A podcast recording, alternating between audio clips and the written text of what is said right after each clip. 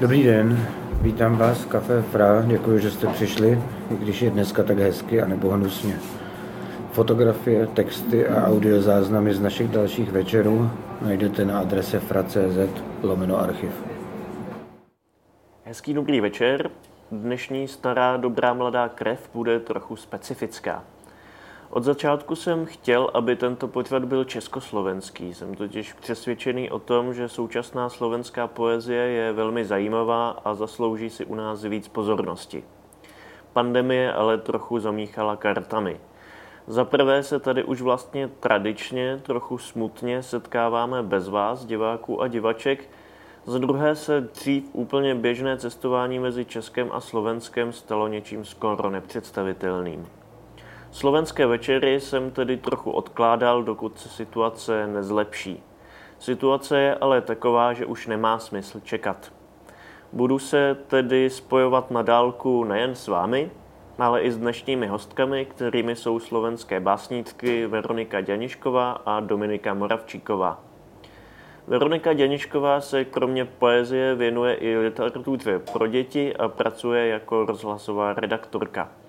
Narodila se v roce 1986, první básnickou sbírku vydala už ve 20 letech a zatím poslední, ze které nám dnes asi bude taky něco číst, je z roku 2017 a jmenuje se Zprávy s Nědomovou.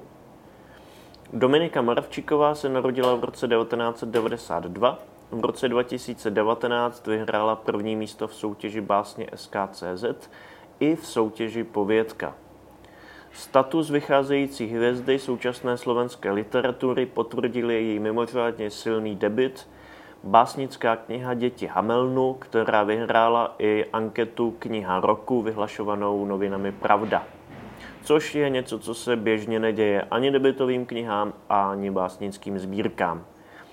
Pro obě autorky je typické propojování osobní až intimní perspektivy s kritickou reflexí uspořádání světa. Základním kamenem poslední sbírky Veroniky Děniškové jsou zkušenosti s prací v zařízení pro lidi bez domova. Dominika Moravčíková se v dětech Hamelnu vyrovnává s hranicemi a úskalými tradice a v mnoha ohledech buduje vlastní svět. Dámy a pánové, dvě velké slovenské básníčky našich dní.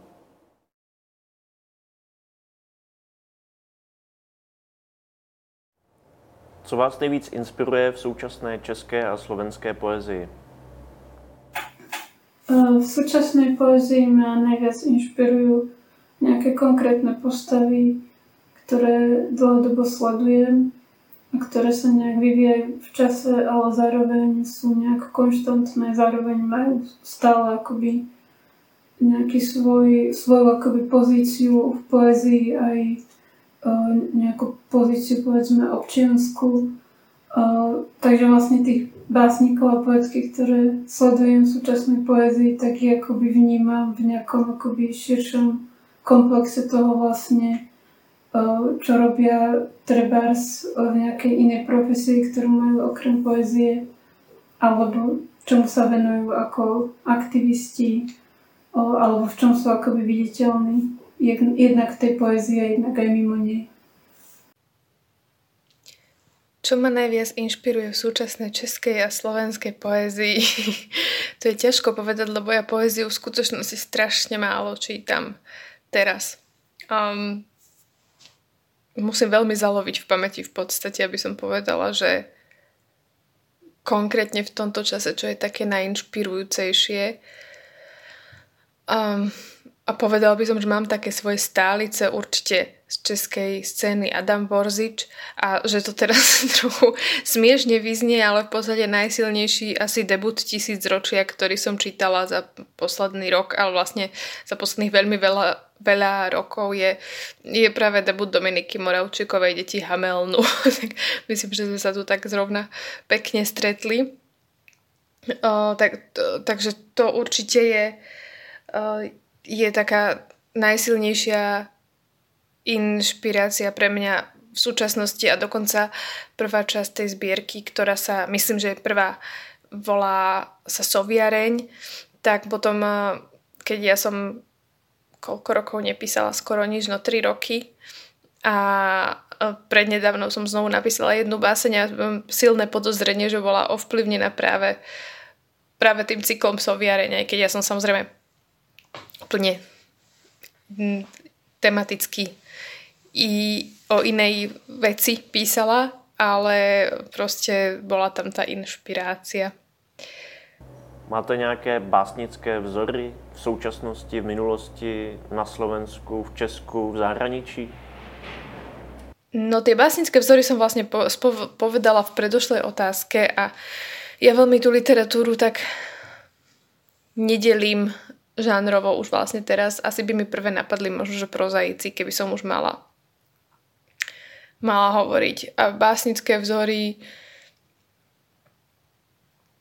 No teraz som na Liptove, tak poviem, že Ivan Laučík určite, alebo Anna Ondrejková, Mila Haugová, to už asi možno každý autor by povedal toto isté. Alebo Mária Ferenčuhová. Takisto Dominiku už som povedala, no tak ale teda zopakujem. A potom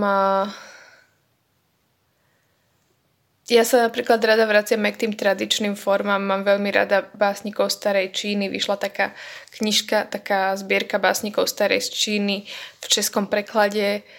Zabudla som teraz, ako sa volali tí prekladatelia, ale teda už to pred pár rokmi vyšla taká zelená knižka. Manželský pár, myslím, to prekladal. Tak to je jedna z mojich obľúbených takých m, ako textov, k ktorým sa vraciam, že hoci kedy si to otvorím, keď už teda sa vraciam k poezii, alebo um, teraz som zabudla jeho meno, ale je to strašne známy básnik. Um, to modrý mesiac prišiel mi dať mat. Ako sa volá?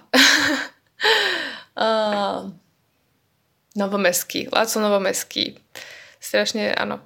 To som ani nemohla zabudnúť. Tak napríklad ten má ten je taký tiež vzorový pre mňa v zahraničnej poezii tiež teraz pravdu poezia, ja proste strašne málo sa tej poezii venujem teraz, takže vôbec to všetko už sú také veci z minulosti, ktoré tu hovorím. A Uh, mohla by som povedať skôr prózu, no. Ja mám teraz takú nový ob- obľúbený objav, volá sa Elizabeth Straut, Strautová teda, keď mám prechyľovať a napísala knihu Olivky Tridžová a teraz vyšlo pokračovanie znovu Oliv, ale je to teda próza. Takže to ja veľmi... A potom ešte teda čítam literatúru pre deti a mládež, ale tá poézia naozaj nie je pre mňa až takým výrazným inšpiračným zdrojom v súčasnosti, alebo teda čítam naozaj veľmi, veľmi málo.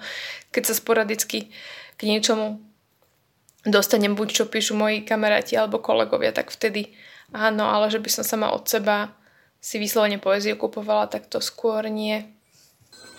Ja som počas rôznych období svojich básnických pokusov a potom aj básnických realizácií, teda v tej knižnej podobe, mala rôzne vzory básnické, ktoré sa striedali a ktoré síce sa striedali, ale nikdy som nezanebrala na žiadne z tých, ehm, vlastne, ktoré už raz mi boli blízke, tak mm, mi blízkymi zostali, aj keď vlastne som sa neskôr vždy obratila k nejakému inému typu poézie, povedzme vyspelejšiemu, ehm, intelektuálnejšiemu ale vlastne zostávajú vo mne stále akoby tie um, nejaké akoby básnické polohy, ktoré um, som si zažívala povedzme na strednej škole a to, čo ma akoby inšpirovalo v tej dobe, tak um, nejak stále akoby vo mne je, um, ale veľmi sa to teda premenilo. Je pro vás jako pro autorky nějak důležitá generační příslušnost, generační témata? Generačná príslušnosť je pre mňa dôležitá kvôli hodnote uh, toho, že zdieľam uh, so svojimi blízkymi a známymi, uh, ktorí tiež píšu, píšu poéziu, vlastne to, čo tú poéziu vyvoláva, že zdieľam s nimi nejaké akoby civilizačné, povedzme, pocity alebo nejaké, nejaké pocity, ktoré sa vzťahujú k určitému životnému štádiu, k určitému veku. A vlastne toto je um, akoby veľ, veľmi dôležité nezdieľať akoby s niekým len nejaké akoby formálne prístupy uh, v literatúre, ale zdieľať aj nejaké akoby uh, životné uh, udalosti, povedzme, alebo životné pocity, alebo práve tie generačné pocity, uh, ktoré máme. A že vlastne zdieľame aj tie typy procesov, ktoré vlastne vedú k tej poezii. Ak mám povedať, ktorú z generačných tém vnímam tak výraznejšie, tak je to asi e, environmentálna alebo teda poézia s ekologickým aspektom, aj keď sa mi zdá, že tiež to vnímam viacej v českom kontexte ako v slovenskom. Ale, ale teda toto je možno, že taká generačná téma, ktorá ak nie už teraz, tak v budúcnosti bude podľa mňa veľmi spájajúca. Dokonca myslím, že aj Dominikine básne, nie teda z detí Hamelnu, ale tie, ktoré boli v, vo finále súťaže básne, sa, sa dotýkali tejto témy. Takže myslím si, že to bude keby jeden z najvýraznejších prúdov alebo takých tematických um, prienikov generačných v následujúcich rokoch a možno aj 10 ročiach. Pohybujete se v různých žánrech, věnujete se různým typům psaní. V čem je pro vás důležitá a specifická právě poezie? Ja sa až tak v rôznych žánroch nepohybujem. Ako teraz, keď som si prečítala tú otázku, alebo teraz, keď som počula tú otázku, tak uh, akože keď tam pripočítam ešte publicistiku, tak áno, už ich je v podstate až tri, ale nezdá sa mi to zase až také um, až také, že by to stalo až tak veľa za reč, čo sa týka nejakej mnohožánrovosti mojej. Ja píšem v podstate v zásade len poéziu a jedinú prozaickú knižku pre deti som napísala. A, a teda venujem sa publicistike ako kvôli práci. A poézia je špecifická asi tým, že je to asi najslobodnejší spôsob písania pre mňa. Väčšinou, keď začínam písať, tak nemám mám ako keby čistý list pred sebou, že ja až potom z tej básne vytváram koncept ako keby z toho, čo v nej už je. A, a ten pocit, ktorý mám, keď píšem, musí byť, alebo teda nie je to tak vždy, ale väčšinou tá básna vtedy nejde ďalej alebo sa ňou ďalej nezaoberám, tak ten pocit základný musí byť veľmi intenzívny. Čiže taký, že by som to, že keby som o, nepísala, tak by som mala pocit, že umriem alebo proste sa mi stane niečo strašné alebo prasknem. No a pri próze a uh, publicistike už teda vôbec toto nemám, aj keď aj tam sa vieme tak akože vy, vypísať niekedy, aj keď tá poézia nie je samozrejme o vypisovaní, ale ten prežitok za, za, za ňou musí byť veľmi autentický a veľmi taký osobný, aj keď sa aj keď ja málo kedy píšem priamo ako seba nejak v tom konfesionálnom zmysle konfesionálnej poézie alebo tak, že málo kedy píšem o sebe už teraz, lebo není podľa mňa až taká zaujímavá ako subjekt, ale ako by s tou témou musím byť zžitá niekde veľmi, veľmi intenzívne, že, nie je to niečo, čo ako keby prichádza iba zvonku. No a pri próze, alebo teda pri tých rozprávkach, tam úplne som inak, inak naladená a pri, a pri publicistike samozrejme, tam je to také viac pracovné alebo remeselné. Čiže e, rozdiel je asi v tej intenzite toho pocitu, ktorý je za tým pre mňa. No a ten koncept, ktorý teda vždy za tým potom hľadám, tak ten vytváram až keď vlastne to gro tej básne je napísané zhruba tak, ako potom bude už vo finálnej verzii. A ja sa okrem tvorby poezie venujem akademickému písaniu, publicistickému písaniu a písaniu prózy. A vlastne o, ten čas a priestor pre poéziu u mňa nastáva vtedy, keď všetky tie ostatné médiá akoby v úvodzovkách zlyhajú, a kedy potrebujem ešte akoby nejaké iné teritorium, v ktorom uh, môžem sa pohrávať s jazykom a s myslením a na nejakej inej úrovni, povedzme nejakej iracionálnej, a kde môžem aj akoby sama nerozumieť tomu, čo práve robím, až akoby spätne to interpretovať. A to je pre mňa akoby tá hodnota poezie v tej, tej organičnosti a v tom iracionálne a v tej nejakej radikalite uh, jazyka, ktorý sa môže správať úplne inak ako v bežnom, v každodennom myslení a písaní.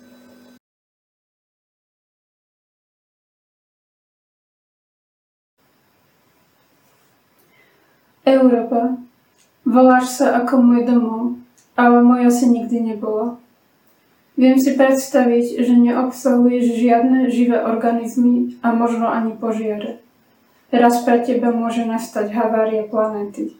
To by si sa vyosila, náraz by z teba vyrazil tony kamenia, ale výkrik by z teba nevyšiel. Mohli by sme ho iba nasimulovať, aby sme si úder dokázali predstaviť. To je vždy dôležité. Rozmýšľam, Európa, čoho sa obávaš vo svojich snoch, ktoré sú ako tmavý materský zamat. Keď si spomeniem, ako sa moje malé telo dokáže báť a čoho všetkého, kto a kedy si príde po teba. Koraly. Tmavá ryba snenia prekryla naše oči a azúrová ryba práce zahalila ostatné orgány. Opatrenia, ktoré sme zaviedli, neboli účinné. Ďalšie opatrenia môžu opätovne zlyhať. Hovorí sa, že každá spoločenská trieda zatvára dvere pre tou nižšou. Keď sa nahneš, kvapka tekutiny z prerazenej blany dorazí až k mojej tvári. Woodwick Čo nám preteká žilami, sa nedá pomenovať vzbulknutou zeminou ani ohňom ponoreným v jame. Keď bude príliš zima, Prestaneme skladať veršované rozprávky. Najprv budeme trhať slová zo zošitov, nakoniec páliť hrebene. Pozri, púšťame slzy, čo chladnú pomalšie než vosk alebo čokoláda. Na túto zimu je drevo aj väzivo pripravené.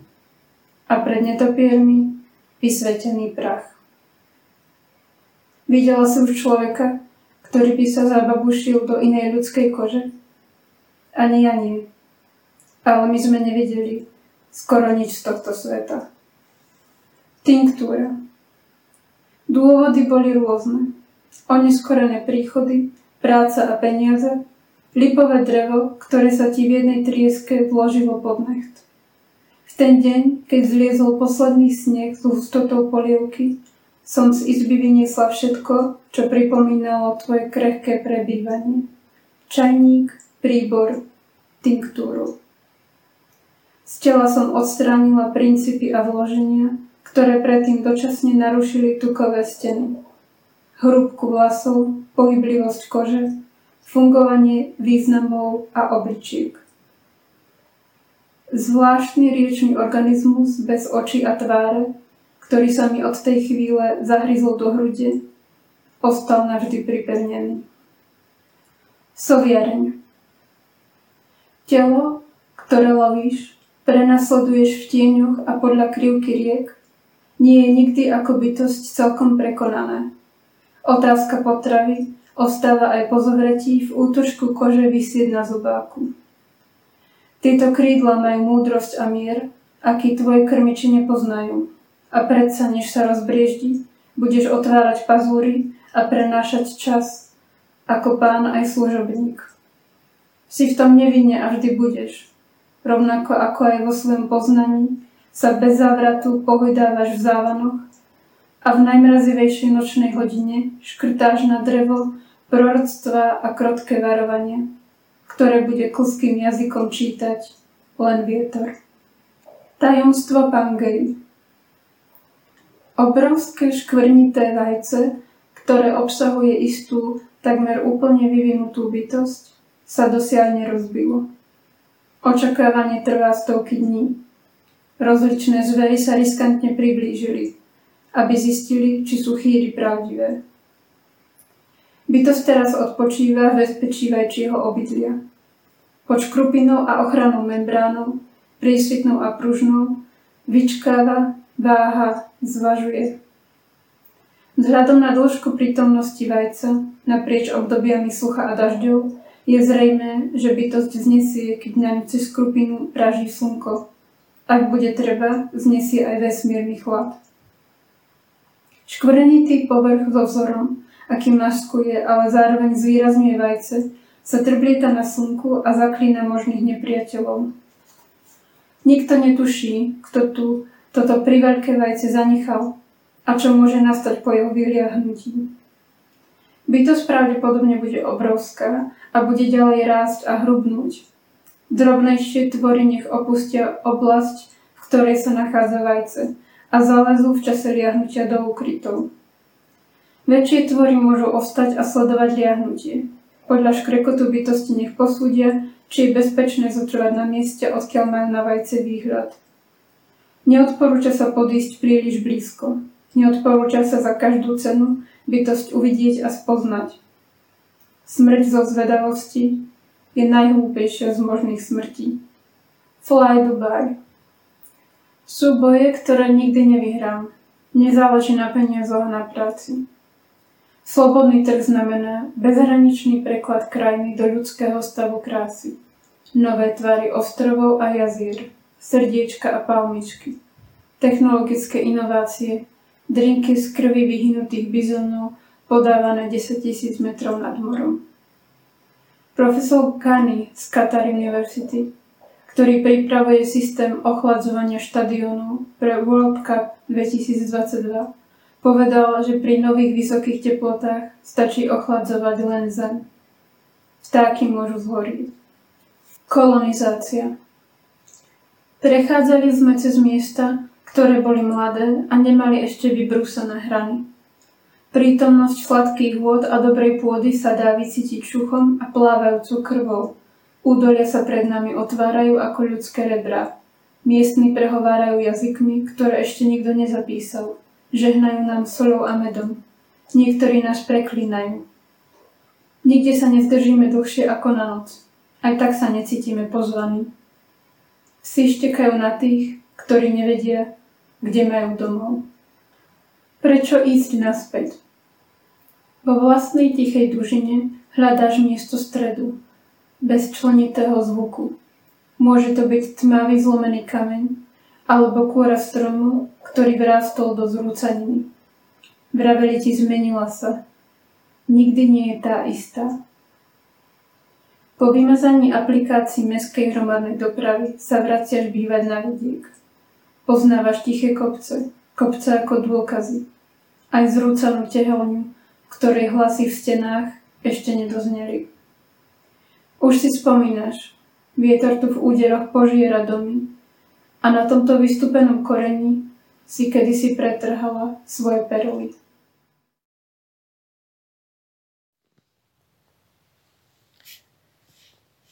Svit. Nik neostane ukrytý, keď nie je kam.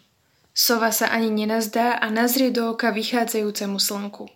Toto som hľadala pri svojom tichom lete, predtýmto som sa ukrývala v dutinách a žrala myší na miesto tvorov, ktoré sa živia slnečnou žiarou. Mesiac sa odo mňa odvrátil a hviezdy stratili tvár. Zašumia teraz moje krídla. Ujdu tí, ktorí mi boli potravou. Ale teraz prichádzajú nové dni a nové noci. Sovy povstanú zo svojho tichého odsúdenia. Rozlámeme hniezda, privoláme vietor a krídlom rozčesneme koruny stromov. Nad ránom na okamih zalapáme podychu a to ani ono nám už nebude chýbať. Ostane číre ráno.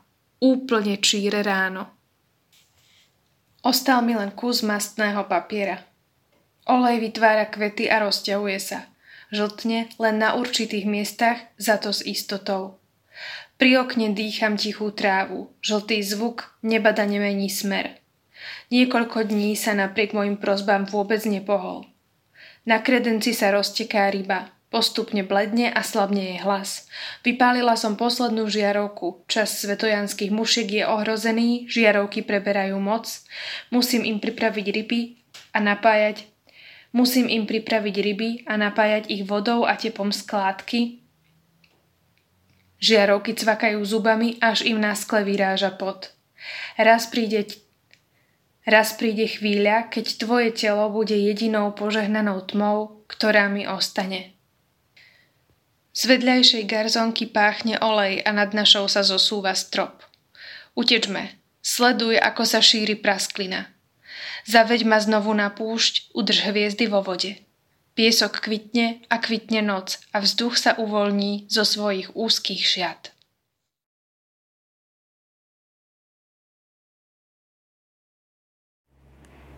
Já jsem si na úplný závěr vybral báseň od mého velmi oblíbeného básníka Husejna Tachmiščiče, který bohužel není tak známý, ale o to větší radost mám, že, že, ho, můžu, že ho můžu prezentovat v rámci tohohle večera.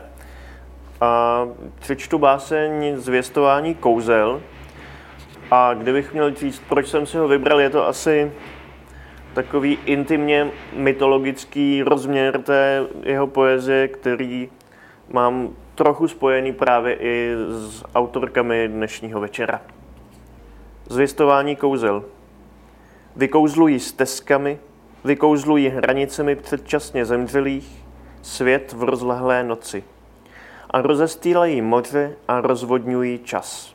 A první objevy těch, kdo připutují, budou prvním procitnutím řeči a plodů. Větry severní a jižní vykouzlují živou vodu hloubek a bronzové kopáče vykouzlují z žízně právě navršených břehů. A bolest je pouze podléhání tykadlům náhle se vynořivší a neznámé zvůle. Poetiky vykouzlují lákavý a magický kruh nemhoucnosti. A tam, na oné straně světla, kdo si líbá vlastní stín a ukrývá líbeznou mrtvolu. Co je tedy skutečnost? Nebe? A co je pochoutkou? Kosti? Kouzlí tepem a páteří, kouzlí sedlem a kruhem, chtějí převést strany světa na strany předčasně zemřelých a v započaté hře klepe všemocnost na stěny hrudníku těch, kteří propadli kouzlení a láme zvyky i kosti. Světla vykouzlují hru odvážných, člověče, písni nebo ptáku a ve znamení kouzla, které nám, stoupajícím, dá usnout a prohlédnout, je jedno a totéž zpívat i být, lámat závory osudu i míjet, neboť noc skane, neboť zapomenutí příští. Moc děkuju, budu se těšit příště.